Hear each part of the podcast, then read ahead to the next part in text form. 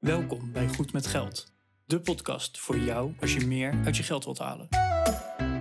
Je financiën op orde of eerder kunnen stoppen met werken?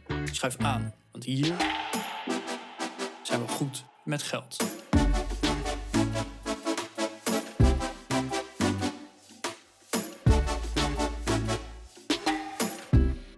aflevering 125 van de Goed met Geld podcast.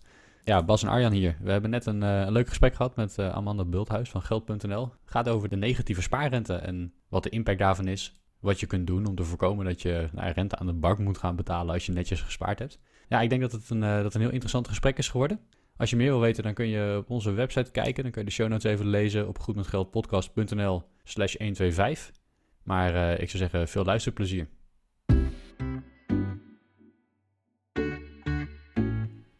Ja, goedemorgen Amanda.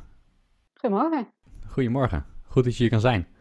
Ja, welkom in onze digitale studio. Ja, wij hebben je al heel kort even gesproken voor deze aflevering om, uh, om hem helemaal goed voor te bereiden. Maar onze luisteraar kent jou nog niet. Dus zou je jezelf kort even willen introduceren voor onze luisteraar? Ja, ik ben Amanda Bulthuis. Ik ben uh, financieel journalist uh, bij Geld.nl.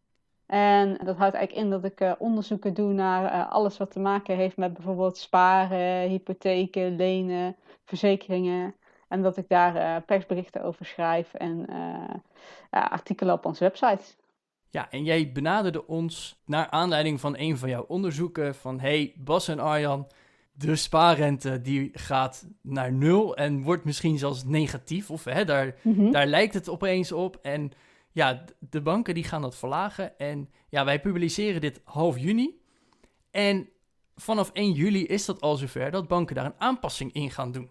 Maar voordat we daar nog dieper op ingaan, kan jij iets vertellen over die negatieve spaarrente? Want er is al een negatieve spaarrente voor een aantal mensen. Maar hoe zit dat nou precies? Ja, nou, bijna alle grote banken die hebben negatieve spaarrentes. Vooral voor saldo's vanaf bijvoorbeeld 250.000 euro, 500.000 euro, daar ligt die grens nu zo'n beetje. Um, dat wil dus zeggen, als je meer spaart dan dat bedrag, dan ga je uh, rente betalen aan de bank in plaats van dat je rente krijgt. En wat de meeste banken straks gaan doen, is dat ze die grens gaan verlagen naar uh, 100.000 euro. Dus dan uh, betaal je bij de grotere banken zoals ABN AMRO, ING, Rabobank, etc. betaal je vanaf een ton spaargeld negatieve rente. Als je wat groter vermogen misschien op de bank hebt staan, dan zie je die grens dichterbij komen. Misschien zie je het plafond naar beneden zakken langzaamaan. Maar, maar is het eigenlijk wel een groot probleem? Dat, dat vraag ik me even af dan. Hè? Want we hadden eerst een uh, 0,5% rente en dat werd een 0,2, 0,1 en 0,01 inmiddels. Een 0% bij heel veel banken. Maakt het uit of je nou 0,01 krijgt of 0,01 betaalt? Of gaat het in grotere stappen weer naar beneden? Nou, het maakt eigenlijk niet zo heel veel uit, zou je denken. Ik betaal maar een half uh, procent negatieve rente. Wat is dat nou? Maar aan de andere kant is het voor veel mensen natuurlijk ook een psychologisch ding. We zijn altijd opgevoed met uh, sparen, hè? Dat, dat, is iets goeds, dat moet lonen. Hè? En ja, het is een beetje gek dat als je dan goed gedrag vertoont, dat je daarvoor wordt gestraft doordat je iets moet betalen aan de bank. Dat is een beetje hoe veel mensen het ervaren. En dat is natuurlijk vooral voor mensen die uh, sparen voor een financiële buffer. Hè? Want banken hebben ook gezegd, uh, we sluiten het niet uit dat we in de toekomst die grens nog verder gaan verlagen. Dus dat ook voor uh, spaarders met bijvoorbeeld een paar tienduizenden euro's of zo op de bank, die moeten dan al gaan betalen. Ja, en als jij dat geld spaart bijvoorbeeld voor de studie van je kind of voor wat achter de hand als je werkloos raakt, ja, dan is dat natuurlijk wel heel zuur als de bank daar dan gaat afsnoepen. Ja, ja en dan zit ik ook meteen even te denken van ja, alle rentes die dalen.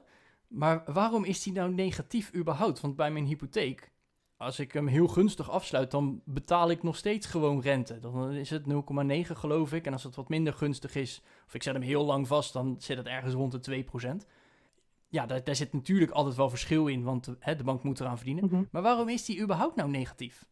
Dat heeft te maken met wat de banken met het spaargeld doen. Want banken moeten een deel van het spaargeld wat mensen uh, bij hun storten, moeten ze bij de Europese Centrale Bank onderbrengen. En de Europese Centrale Bank die hanteert daarvoor op dit moment ook een negatieve rente. Dus banken moeten betalen voor het geld wat ze bij de Europese Centrale Bank neerzetten. En ja, die betalen dus ook een half procent negatieve rente. En die rekenen ze weer door aan hun klanten. Ja, dus eigenlijk zij moeten een half procent negatief betalen. En jij als consument betaalt dan in de toekomst 0,01 of zo.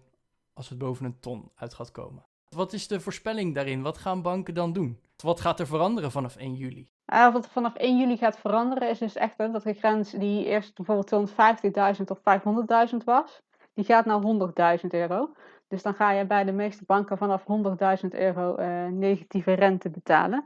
De enige uitzondering daarop is ABN AMRO. Daar gaat de grens naar 150.000 euro. Dus dat ligt ietsje hoger.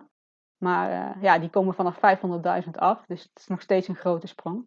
Voor de spaarder is dat natuurlijk wel zuur. Hè? Want je, je, gaf het net al aan, die stapjes naar beneden toe, die gingen eigenlijk een hele kleine stappen. Maar de stap onder de nul, dat wordt meteen een half procent. Ja. Dat is een, uh, toch een uh, wat significantere hap die uit je geld wordt genomen.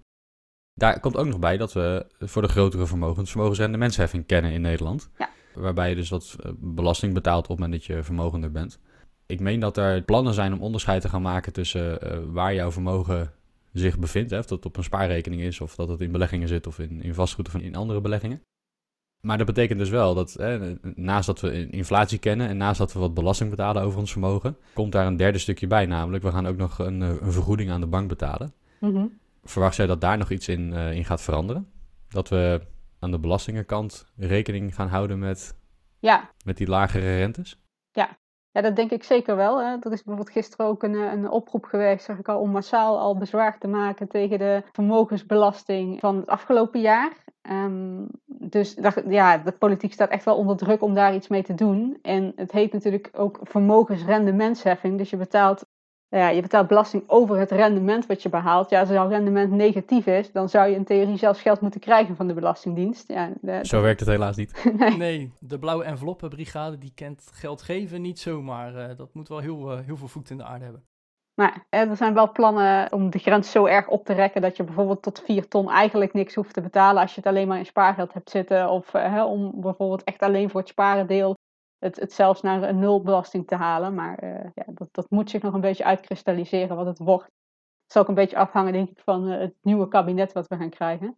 Ja, want als we dit opnemen zijn er natuurlijk nog onderhandelingen over de formatie. En de regeerakkoorden die, uh, ja, die, die, die, zijn er nog niet, zijn nog niet bekend. Ja. is dat iets wat je scherp in de gaten houdt? Ja, natuurlijk wel. Hè? Want er zijn een aantal partijen die zich al hebben uitgesproken voor een verbod op negatieve spaarrente. Uh, dus het verschilt wel heel erg straks welke partijen daarin uh, gaan zitten en wie er bijvoorbeeld uh, de minister van Financiën wordt en welke partij die gaat leveren. Um, hoe groot de kans is dat dat verbod er ook gaat komen. Ja. ja. Ja, en wat misschien hier ook nog even goed is om toe te voegen, hè, want je geeft al aan, spaargeld tot 4 ton wordt waarschijnlijk vrijgesteld of bijna vrijgesteld. Dat waren inderdaad eerst plannen en ik moet ook heel eerlijk zeggen, ik heb hier wel eens een blog over geschreven. Eerst zien, dan geloven. Want de politiek is er ook heel goed in om heel veel plannen te roepen. En dan is partij A die zegt dit, partij B zegt dat en partij C zegt weer wat anders. Uh, en uiteindelijk komt het ergens in het midden of totaal aan de andere kant uit met, met de daadwerkelijke plannen. Mm -hmm. In ieder geval is het in de afgelopen jaren wel veranderd. Voorheen betaalde je over jouw vermogen, boven het vrijstellingsbedrag, betaalde jij 30% belasting. En dan gingen ze over het rendement. En dan gingen ze uit van een fictief rendement van 4%. Dus dat kwam neer op 1,2%. Nou, dat is tegenwoordig aangepast. Dat is onderverdeeld in uh, meerdere schijven. En hoe meer jij bezit, hoe hoger de belasting wordt. En dat is dan ook weer een combinatie tussen wat is uh, het rendement wat je in de afgelopen vijf jaar op spaarrekeningen gemiddeld haalde. En wat is, ik geloof, over de afgelopen 20 jaar het rendement wat je op de beurs behaalde. -hmm. En daar wordt weer een combi van gemaakt. Dus ja, wil je daar meer over weten? Check vooral inderdaad even het internet en wat op dit moment de regels zijn. Want ja, die veranderen gewoon bijna jaarlijks. En elke keer Prinsjesdag is het weer afwachten wat ze nu weer gaan veranderen. Maar dat is inderdaad ook wel heel spannend en ja, ook wel heel belangrijk. Van wat zit daar nog bij? Hè? Want het is dus niet alleen bij de bank dat je negatieve rente gaat betalen. Maar je moet ook nog eens vermogensrendementsheffing betalen. En heeft het ook nog niet eens gehad over de inflatie. Dus nou, genoeg manieren om je geld minder waard te laten worden. Maar Amanda, jullie zijn dus niet gestopt, of jij bent niet gestopt met dit onderzoek. Nee, jullie hebben ook daadwerkelijk nog de politiek hierbij benaderd. Mm -hmm. Van hé, hey, allemaal leuk en aardig dat die banken die grens gaan verlagen. Maar ja, jullie willen dat toch ja, misschien wel een halt toeroepen of de, de politiek wakker schudden. Kan je daar wat meer over vertellen? Ja, ja wij hebben een, uh, een oproep gedaan aan uh, de minister, Wopke Hoekstra, om een, een, verbod in te stellen op uh, negatieve spaarrente. Uh, wij zijn daarbij uitgegaan van een saldo tot 15.000 euro. Hè. Als je bijvoorbeeld kijkt naar wat adviseert het Nibud een beetje als norm dan uh, verschilt dat een beetje per type huishouden. dan ligt het ergens tussen de 5.000 en de 14.000 euro. Dus nou ja, als je dan 15.000, dan is iedereen gecoverd. Uh, kan iedereen gewoon sparen voor dat appeltje voor de dorst. En hè, mocht je werkeloos worden, dat je bijvoorbeeld een paar maanden kan overbruggen, dat soort zaken. En daarom hebben we de minister opgeroepen, uh, stel dat verbod nou in en, en doe dat ook snel. Ook omdat banken nu al roepen van ja, hè, we kunnen het niet uitsluiten dat we nog verder omlaag gaan. Dus ben dat gewoon voor. Ja, en wat was de reactie?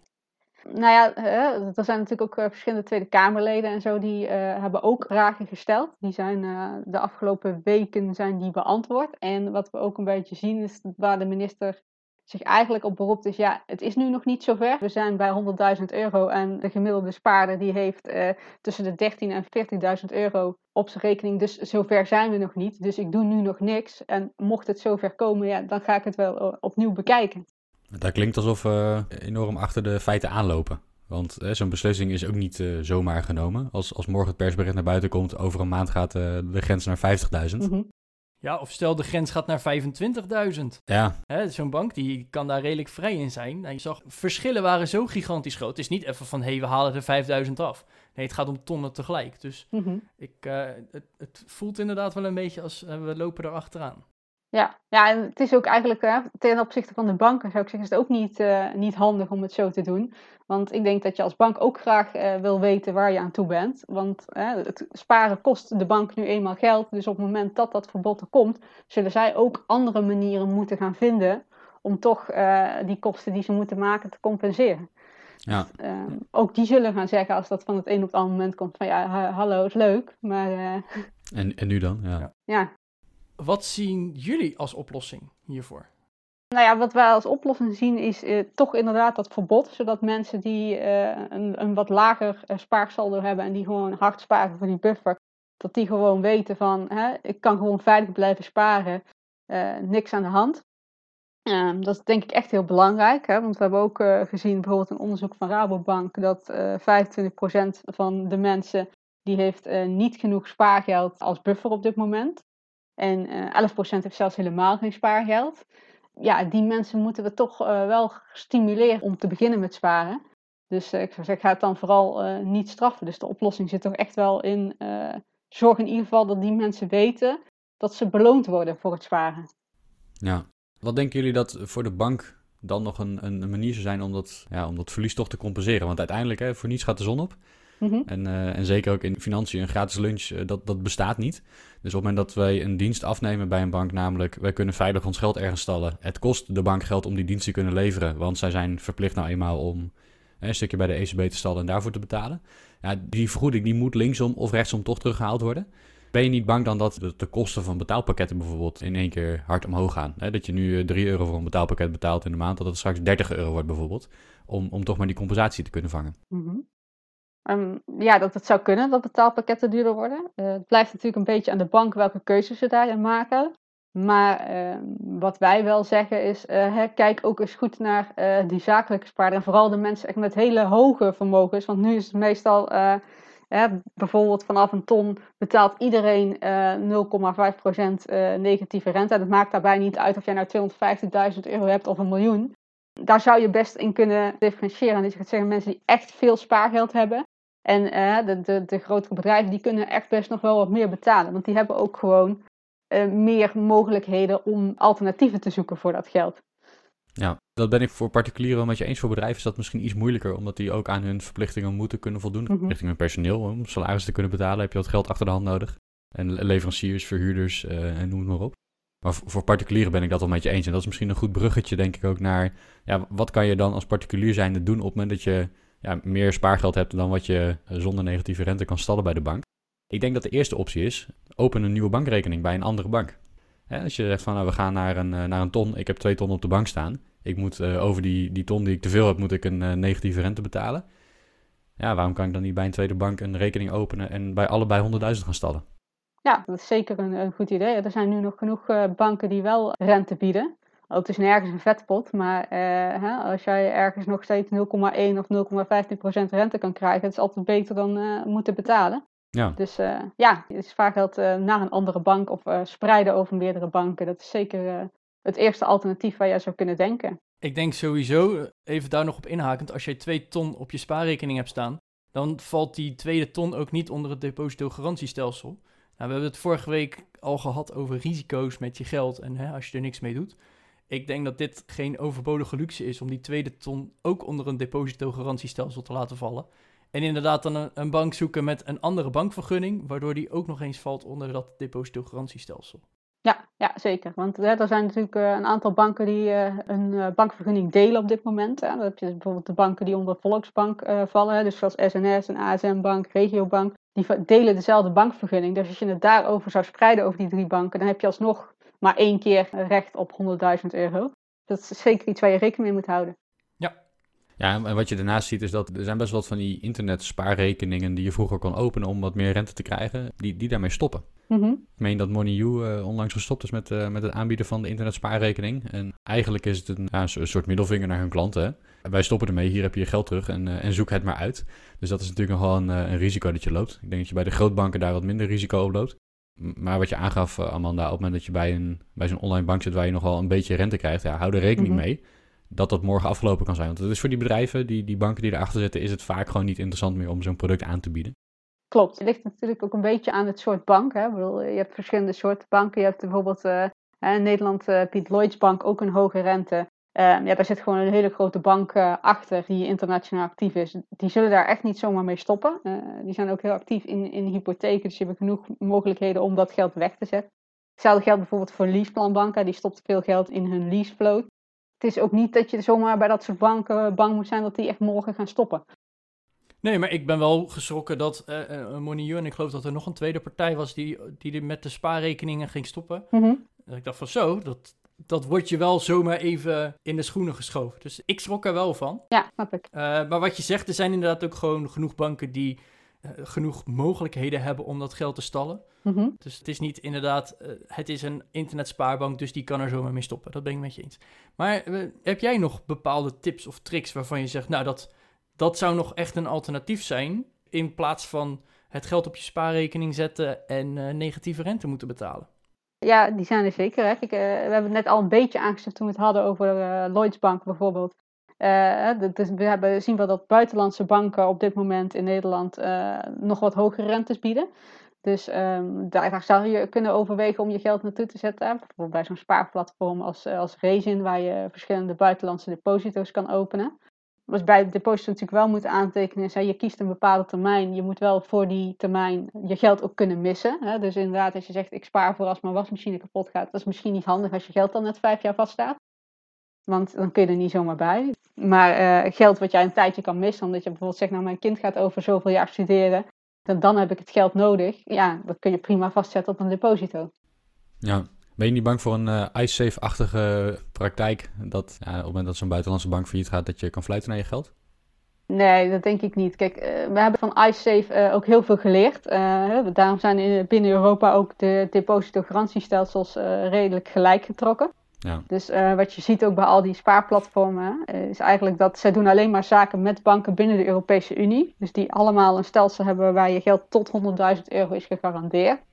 En uh, wat zo'n platform zelf ook als dienst biedt, is stel dat het mocht gebeuren, dan hebben wij gewoon een juridische afdeling die jou daarbij kan helpen om je geld terug te halen. Dus niet zo dat jij zelf met een bank ergens, bijvoorbeeld in Tsjechië of zo, moet gaan onderhandelen om hmm. je geld terug te krijgen.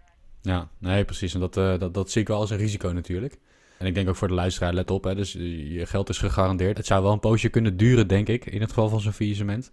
Voordat je je geld terugkrijgt uit zo'n uh, garantiestelsel. Ik neem, mm -hmm. ik neem aan dat het niet uh, uh, de volgende werkdag dan op je tegenrekening staat. Nee, niet over een werkdag inderdaad. Maar er zijn nee. ook afspraken over gemaakt binnen Europa. En het is wel binnen een aantal weken. Dus we hebben het echt niet over maanden of jaren. Oké, okay, dat, is, dat is goed om te weten. Wil je hier meer over weten? Hier hebben we ook wel eens een aflevering over opgenomen. Uh, geld sparen in het buitenland, aflevering 106. En heb je dus interesse in Resin, het product wat uh, zojuist ook genoemd werd? Daar kan je ook uh, een linkje naar vinden, goedmetgeldpodcast.nl slash Resin. Oké, okay, dus je, je geld in het buitenland stallen of op een, een deposito zetten waar je dus nog wel rente ontvangt. Zeg je dus eigenlijk, Amanda, dat dat echt nog wel een, een optie is, zolang je dat geld dus maar wel kan missen. Ja. Ja, dat is inderdaad wel heel belangrijk. Ja, er zijn natuurlijk ook nog heel veel uh, andere alternatieven hè, die je kan bedenken. Eentje waar wij misschien niet per se een voorstander van zijn, maar de mensen het ook roepen is, hè, dan ga ik wel een deel op een betaalrekening zetten. Hm. Ja, je betaalt voor die betaalrekening ook kosten, dus dat moet je dan wel even afwegen. Uh, weegt dat wel op tegen die negatieve rente? Maar wat we bijvoorbeeld wel zien is dat uh, ook veel mensen zeggen, ja, ik, dan ga ik mijn huis verduurzamen. Of uh, ik, dan ga ik toch die verbouwing doen en uh, op die manier investeren in mijn huis. Nou ja, ja dat, dat zijn ook alternatieven. Natuurlijk niet voor je financiële buffer, want die, die heb je nodig. Maar hè, als jij geld over hebt, wat je normaal gewoon werkeloos op een spaarrekening zou laten staan, ja, waarom zou je het niet investeren? Of bijvoorbeeld schenken aan je kinderen om ze te helpen bij het kopen van een huis. Dat is op dit moment ook best wel nodig hè, voor starters op de woningmarkt. Zie je veel gebeuren ook. Ja, ja. ja. ja en, en, waar ik ook meteen aan moet denken is, uh, als je een koopwoning met een hypotheek hebt, is dat je kunt gaan aflossen op je hypotheek. Nou zeg ik altijd van nou, aflossen op die hypotheek, dat levert vrij weinig op, omdat ja, de rentes zijn laag. We hebben het vandaag over lage rentes. Dat geldt ook voor de hypotheekrente. Zeker als je in de laatste paar jaren uh, een nieuwe hypotheek hebt afgesloten of een nieuwe rentevastperiode hebt gekozen, hè, dan, dan, betaal je niet zo mhm. heel veel. Maar in elk geval heb je dan een positief rendement. Hè? Stel wat, wat Arjan net aangaf, we hebben een, een hele lage rente kunnen zoeken van 0,9%. Super, we wonen goedkoop. Ja, als ik een ton op de bank heb staan en uh, daar moet ik voor betalen, of ik kan een stukje de hypotheek instorten en, en dat levert mij dan die 0,9% besparing op. Mm ja, het, geld is weg. Hè? Het, staat, het staat vast in jouw stenen dan op dat moment. Vergelijkbaar met een deposito, alleen hij loopt niet zomaar af. Dus je moet het geld echt op de lange termijn kunnen missen. Ja, dat zijn natuurlijk wel escape mogelijkheden zeg maar, om, om toch nog iets met dat geld te doen. Ja, ja zeker. Kijk, en, en bij het aflos van je hypotheek dan inderdaad, je zou inderdaad zeggen het is nu een lage rente, dus ja, waarom zou ik het doen? Je betaalt toch maar heel weinig. Maar daar moet je eigenlijk goed kijken naar de toekomst alles wat jij nu alvast aflost op je hypotheek, dan is jouw huis op een gegeven moment vrij. En dan heb je in de toekomst, als je bijvoorbeeld met pensioen bent, heb je gewoon geen woonlasten meer. Dat is ook weer een, een besparing. Ja. ja. Ja, dus er zijn zat mogelijkheden, denk ik. Ja, en eentje waar Arjan en ik allebei natuurlijk uh, groot fan van zijn, is het beleggen. Je hoort veel over beleggen, over, over de risico's daar. Mm Beleggen is niet voor iedereen, denk ik. De manier hoe ik in elk geval beleggen is vrij saai, vrij passief. Veel risicospreiding, één keer per maand koop ik wat en, en that's it. Door, mm Doordat we in een indexfonds stoppen, hebben we eerdere afleveringen ook over gemaakt. Zie je dat er meer mensen gaan beleggen nu we dit soort ja, lage of zelfs negatieve rentes krijgen? Ja, ja, zeker. Nou, we zien in ieder geval dat er uh, veel meer interesse voor is. En dat wordt ook wel een beetje gepusht door de banken. We zien nou steeds meer uh, de banken ook echt acties voeren op het beleggengebied. Hè. Dus dat bijvoorbeeld je krijgt dan een deel extra inleg of uh, je betaalt tijdelijk geen kosten. Oh ja. um, allemaal om, om klanten te stimuleren om te gaan beleggen. Wat daarbij inderdaad wel moet aantekenen. Wat je ook zegt, eh, hoe ik ga beleggen, is redelijk saai. Maar dat is het ook. En, en zo moet je er denk ik ook voor een groot deel ingaan. Kijk, uh, als jij gaat beleggen, je hebt daar heel veel onrust bij. Je zit constant die koersen in de gaten te houden. Ja, dan is het misschien inderdaad niet voor jou. Dan levert het alleen maar stress op. En uh, ja, dus denk daar goed over na of het echt bij je past. Ja, en ik denk dat dat met al deze opties ook wel is van, past het bij je? Want hè, voor hetzelfde geld pak je een deposito van twee jaar en zit je na een half jaar al van, oh shit, ik kan pas over anderhalf jaar bij dat geld. Mhm. Ja, als, als zulke dingen jou heel veel stress opleveren, ja, misschien moet je dan inderdaad maar gewoon naar een andere bank gaan. Ja. En hè, een, een, tweede bankrekening openen om daar je geld te stallen om te voorkomen dat je negatieve spaarrente moet gaan betalen. Of misschien moet je inderdaad de negatieve spaarrente dan maar accepteren. Hè? Dan weet je waar je aan toe bent. En ja, dat is heel vervelend. Maar je weet in ieder geval waar je aan toe bent. En dat kan ook voor een, een stukje rust zorgen. Waardoor je op andere momenten weer betere keuzes en alles kan gaan maken. Omdat je hè, de stress daar niet van hebt. Ja. Dus ja, er zijn heel veel mitsen en maren. Check in ieder geval, hè, hoe, hoe staat mijn bank erin? En hè, wat ga ik betalen? Moet ik betalen? Hoe zit het nou precies? En wat past bij mij? Is dat een tweede spaarrekening bij een andere bank? Is dat een deposito? Is dat investeren? Ga ik extra aflossen op mijn huis? Waardoor ik ook niet bij het geld kan. Maar ik heb wel weer lagere maandlasten. opties genoeg. Mhm. Maar Amanda, wat moet je nou vooral niet doen? Nou, vooral niet je geld van de bank gaan halen en thuis uh, in een oude sok bewaren. Hè? Zoals uh, mensen dan wel eens roepen van ja, nee, die negatieve rente, dat pik ik niet. Dan haal ik mijn geld van de bank. Nou ja, doe dat niet. De mensen die dat zeggen, die moeten even een adres doorgeven aan ons dan. Uh. Ja, wij weten wel een mannetje. nee, ja, dat, is, dat is een risico. Ja, ja, nou ja, goed. Hè. Als, jou, als jouw geld thuis ligt, uh, het kan gestolen worden, uh, er, er, kan brand uitbreken, allerlei zaken waardoor je geld. En ja, de inboedelverzekering uh, vergoedt contant geld niet zomaar. Dus ja, dan is het zomaar in één keer weg. Ja. Ook maar tot hele kleine bedragen volgens mij. Ja. Zal ik hem nog eens sterker maken? Want ik heb dan een betaalpakket. En bij dat betaalpakket heb ik de goedkope optie aangevinkt dat ik eigenlijk bijna geen contant geld op kan nemen bij de geldautomaat. En als ik dat wel wil doen, Mhm. moet ik ervoor betalen. Oh ja. Nou kan ik dus, um, ik heb het even uitgezocht, ik kan maximaal 1250 euro per dag opnemen. Nou weet ik niet of dat over meerdere opnamepunt, op- opnamepunten verdeeld moet worden of dat dat in één keer kan. Maar stel dat in één keer kan, betaal ik over 1250 euro betaal ik 50 cent. Nou, stel ik heb 10.000 euro op de bank staan. Nou, dan eh, moet ik dat dus al acht keer doen. Ben ik al 4 euro kwijt voordat ik die 10.000 euro op heb genomen. Nou, en die 4 euro, dat is gelijk aan een negatieve rente van min 0,04 procent. Mhm. Dus voor die 10.000 euro ben ik al nou, 4 euro kwijt om het überhaupt op te nemen. Nou, stel de rente wordt dan weer positief of eh, nul, dan wil ik het weer gaan storten. Ik heb ook even uitgezocht wat dat kost, want dat mag ook niet gratis. Mhm. Je mag maximaal 3000 euro eh, per dag, geloof ik, storten. Tot vier stortingen komt gratis. Dus nou, die 10.000 euro is oké. Maar elke storting daarboven betaal ik nog eens 6 euro. Ja. Dat ik ook dacht van, nou, dan denk je, ah, ik ben het systeem te slim af en ik voorkom negatieve spaarrente. Maar ik ga wel kosten maken omdat ik geld opneem en vervolgens weer gaat storten. Nog afgezien van het hele risico van eh, inbrekers en mijn huis fikt af. Ja, de banken zijn natuurlijk ook niet gek. Die willen, gewoon, eh, die willen ook voorkomen dat inderdaad mensen dat gaan doen. Want eh, het laatste wat een bank wil is, is, is een bankrun en dat mensen massaal hun geld van de bank gaan halen. Ja, Dat zou niet best zijn, inderdaad. Nou, maar los daarvan, het kost ook gewoon een hoop geld. De bank maakt een hoop kosten aan, eh, aan al die papieren die heen en weer gestuurd moeten worden. Ja. Van de kluis naar de geldautomaat en weer terug. En dat maakt ook kosten en daar, daar betaal je voor. En dat is misschien ook wel terecht hè, in, de, in 2021. Als we genoeg digitale middelen hebben om digitaal te kunnen betalen, dan, eh, dan snap ik dat wel. Ja. Ik zie nog een, ehm, een ander fenomeen gebeuren, Amanda. En ik, ik weet niet wat jouw kijk erop is. Jij zit eh, beter in de materie dan ik.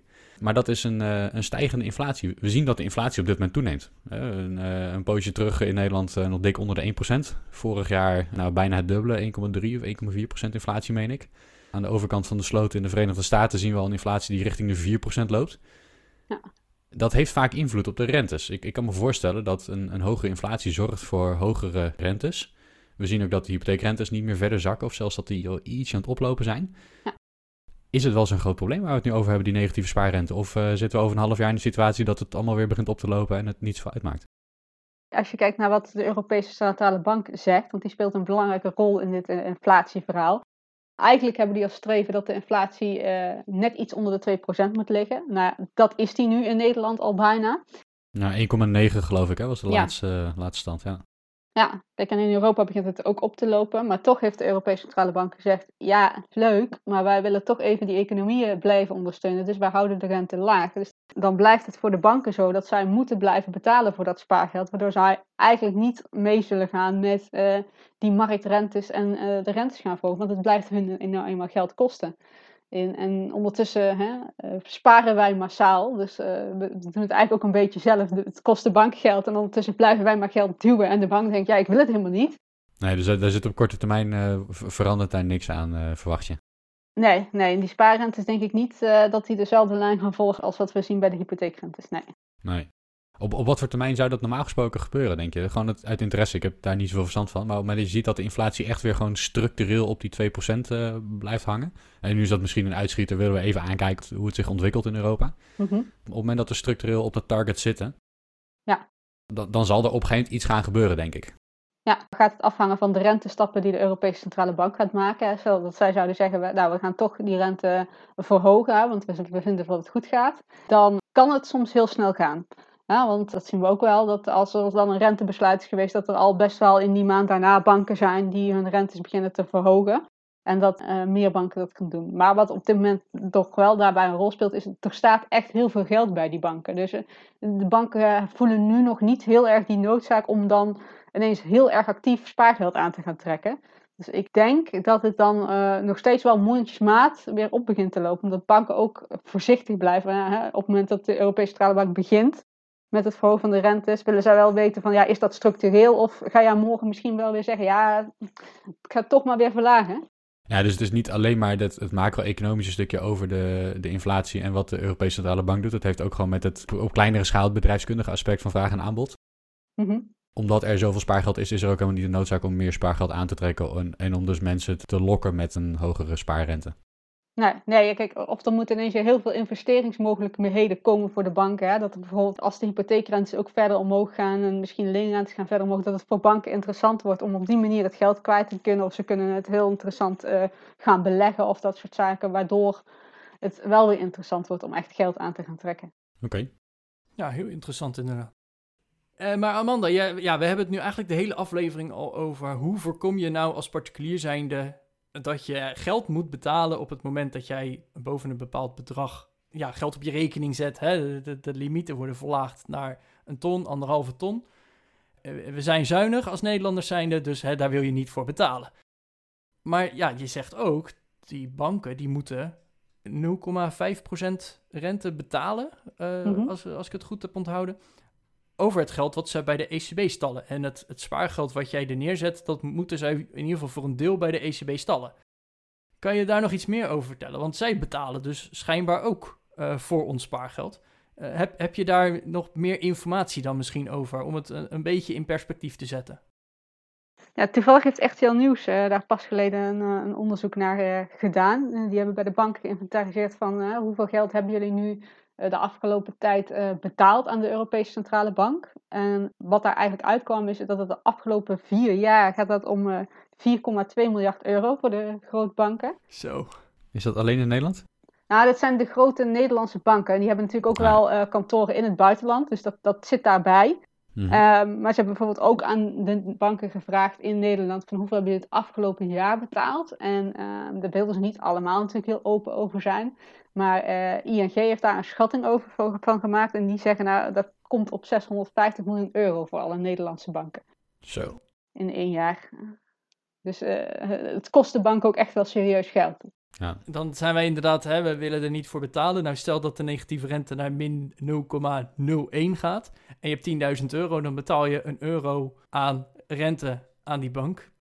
Dat tegen de kosten die zij moeten maken, nou, 4,6 miljard in de afgelopen vier jaar. Ja, dat, uh, dat komt niet uit, kan ik je vertellen. Ik heb niet heel veel bedrijfskunde gestudeerd, maar daar moet je best wel wat voor doen om dat uh, goed te maken. Mm Dus ik vind het wel een goede om dat nog even in, uh, in perspectief te plaatsen. Maar inderdaad, hè, wij als Goed met Geld podcast vinden ook wel dat een buffer is gewoon heel belangrijk. Het is gewoon belangrijk dat op het moment dat de wasmachine kapot gaat, je auto stuk gaat of dat je je baan verliest, dat er in ieder geval een buffer is. En dat er dus inderdaad spaargeld staat. En dat spaargeld, ja, dat, daar moet gewoon een, een bepaald bedrag zorgeloos kunnen staan. En ja. die negatieve spaarrente zorgt voor extra zorgen. Ja, waar je in het begin eigenlijk al mee begon. Het is een psychologisch aspect. Ja, en dat moet je eigenlijk voorkomen. Dus uh, vandaar dat wij eigenlijk deze hele aflevering er ook aan besteed hebben. Omdat wij wel achter die gedachte staan dat een deel gewoon zorgeloos er neergezet moet kunnen worden. Ja, precies. Moet voor mensen blijven loon is natuurlijk een groot woord, want uh, de rentes zijn laag en met 0% rente vinden wij het eigenlijk ook nog steeds uh, oké. Alleen, ja, het moet niet zo zijn dat er ook nog afgesnoept wordt door de bank met een negatieve rente als je al hard moet sparen voor, uh, voor jouw buffer. Ja. Nog een laatste vraag voordat wij naar onze vijf vragen gaan. Hoe is het in het buitenland? Want onze buurlanden, hoe hebben die het geregeld? België, Duitsland, Luxemburg. Is daar ook een negatieve spaarrente of hoe wordt dat daar gedaan? Nou, er zijn wel landen die negatieve rentes kennen. Ook daar gaat het dan om grote saldo's en vaak om de zakelijke spaarders. In België hebben ze wel een soort van uh, verbod daarop. Um, die kennen een, wettelijke minimale rente. Dus zo kan eigenlijk door de overheid bepaald worden: dit moet er minimaal op een spaarrekening uh, voor particulieren uh, vergoed worden. En ja, die kun je op nul zetten en dan heb je gewoon in feite een verbod op negatieve rente. En dat, dat wordt daar ook actief gemanaged. Ja. En is dat dan nog op een bepaald minimumbedrag bijvoorbeeld? Of dat is gewoon over het gehele saldo? Nou, ik moet heel erg zeggen dat ik de echt exacte details van uh, de regels in het buitenland uh, niet goed ken. Dus ook niet van die in België, nee. Ik was gewoon benieuwd. Ik denk, maar ja. de, in België wordt er in ieder geval uh, actief met wetgeving al op gestuurd. Mm -hmm. Ja. Oké, okay. ja, helder. Ik weet in het nieuws was het toen ook heel erg dat in Duitsland kwamen er negatieve saldo's en dat dat voorlopig nog niet in Nederland zo was. Maar goed, dat is alweer een paar jaar geleden, geloof ik. Dus ja, ja wie weet uh, komt het er inderdaad wel opeens dichtbij. Dus dan is het goed dat we er aandacht aan besteden. Ja. Ja, ik denk dat we dat onderwerp best wel goed hebben behandeld. Volgens mij hebben we van, uh, vanuit best wel verschillende invalshoeken ja, de negatieve spaarrente belicht. Dus ik denk dat het tijd is voor onze vijf vragen. En dat zijn de, de standaard vijf vragen die wij elke gast stellen die we interviewen. Mm -hmm. En de eerste vraag die komt zoals gewoonlijk van Arjan. Ja, Amanda, we hebben het heel erg gehad over je expertise. Je bent financieel journalist bij Geld.nl. Maar we zijn ook een beetje benieuwd naar jouw persoon. Dus uh, ja, toch de persoonlijke vraag. Wat is jouw grootste financiële blunder? Ja, nou ja, blunder is een beetje een groot woord, uh, vind ik hoor. Ik, ik, moet ook heel eerlijk zeggen, ik ben best wel een beetje voorzichtig met geld van mezelf. Dus ik heb eigenlijk ook nog nooit echt iets gedaan waarvan ik zeg, nou dat heeft mij nou echt uh, onnodig veel geld gekost. Dus dat zou ik liever anders hebben gedaan achteraf. Ja, misschien uh, als ik erover nadenk, uh, hè, ik, ik, heb, ik hou heel erg van sportschoenen en ik, vooral van Nikes. Dus, en ik heb heus wel eens wat Nikes gekocht waarvan ik achteraf, die zitten eigenlijk helemaal niet fijn en nooit gedragen. En ja, dan gaan ze weer op marktplaats. Maar ja, dat kost je toch wel wat geld. Ja. Dan schrijf je erop af, ja. ja. ja. Ik vind het toch nog wel weer goed dat je ze alsnog verkoopt en de schade weer beperkt. Dus dat, ja. een compliment daarvoor, want bij mij zou ze gewoon in de kast blijven staan. ja. Ja, dat is ook een beetje zonde. Ja, ik, koop ze niet om in de kast te zetten, dus als ze niet fijn zijn om te dragen, dan... Uh... Het is geen collectors item voor jou, je, je, draagt, je draagt ze wel echt. Ja. Ja, nou, dat is, uh, dat is mooi. Wat kan je nu op financieel gebied, dat je, uh, als je terugkijkt, eigenlijk vijf jaar geleden al had willen kunnen? Nou ja, als ik bijvoorbeeld zou kijken naar, uh, nou, niet vijf, maar tien jaar geleden bijvoorbeeld, dan, uh, ik was altijd heel erg honkvast met financiële producten. Dus uh, ik, ik zat gewoon bij de bank waar mijn ouders ook altijd hebben gezeten, bij dezelfde zorgverzekeraar. En um, inmiddels, dus ook door mijn ervaring natuurlijk in, in, mijn functie, durf ik ook wel wat makkelijker over te stappen. Dus ik heb mijn spaargeld ook nou gespreid over meerdere banken en ben al een paar keer overgestapt van verzekeraar ook, omdat het, het, het bespaart je toch best wel wat geld. En uh, eigenlijk uh, de dekking is vaak net zo goed. Dus ja.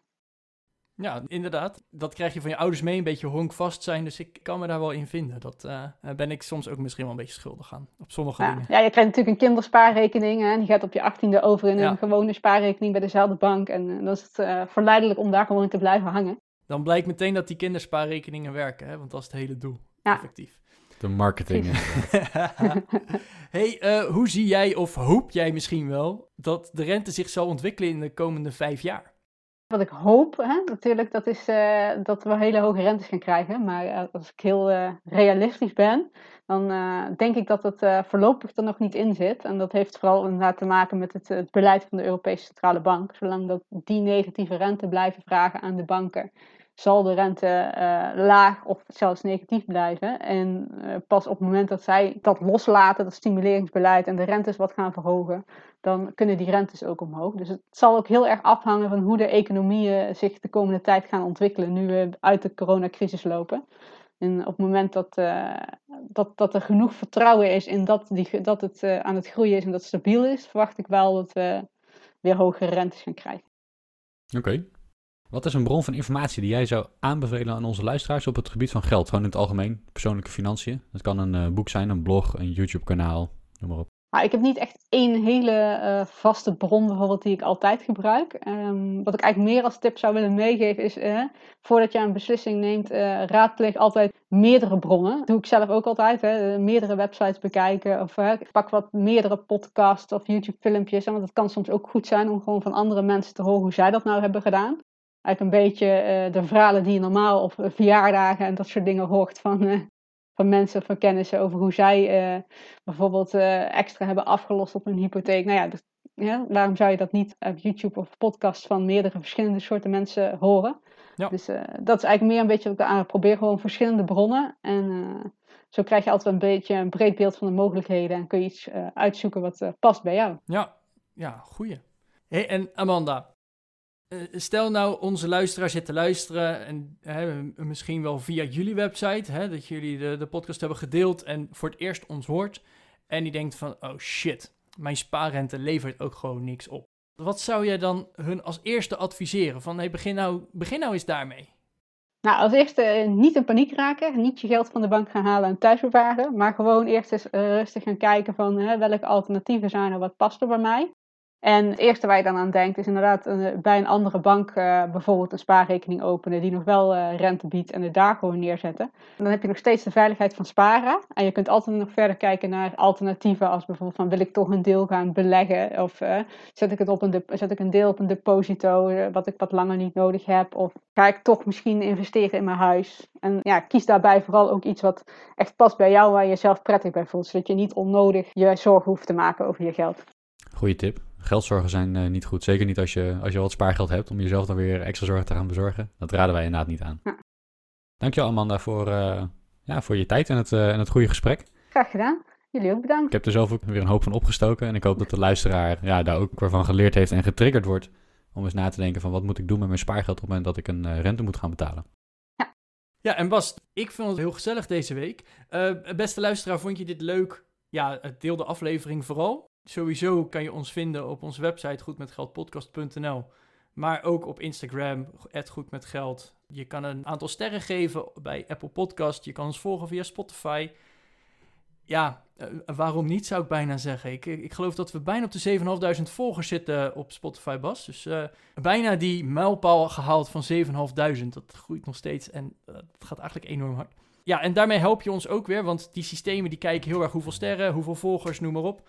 En op basis daarvan adviseren zij aan anderen ook weer onze podcast. Dus uh, wil jij ons helpen, dan kan je dat ook op die manier doen. Ja, en Bas, ik kan alleen nog maar zeggen tot, uh, tot volgende week. Tot volgende week.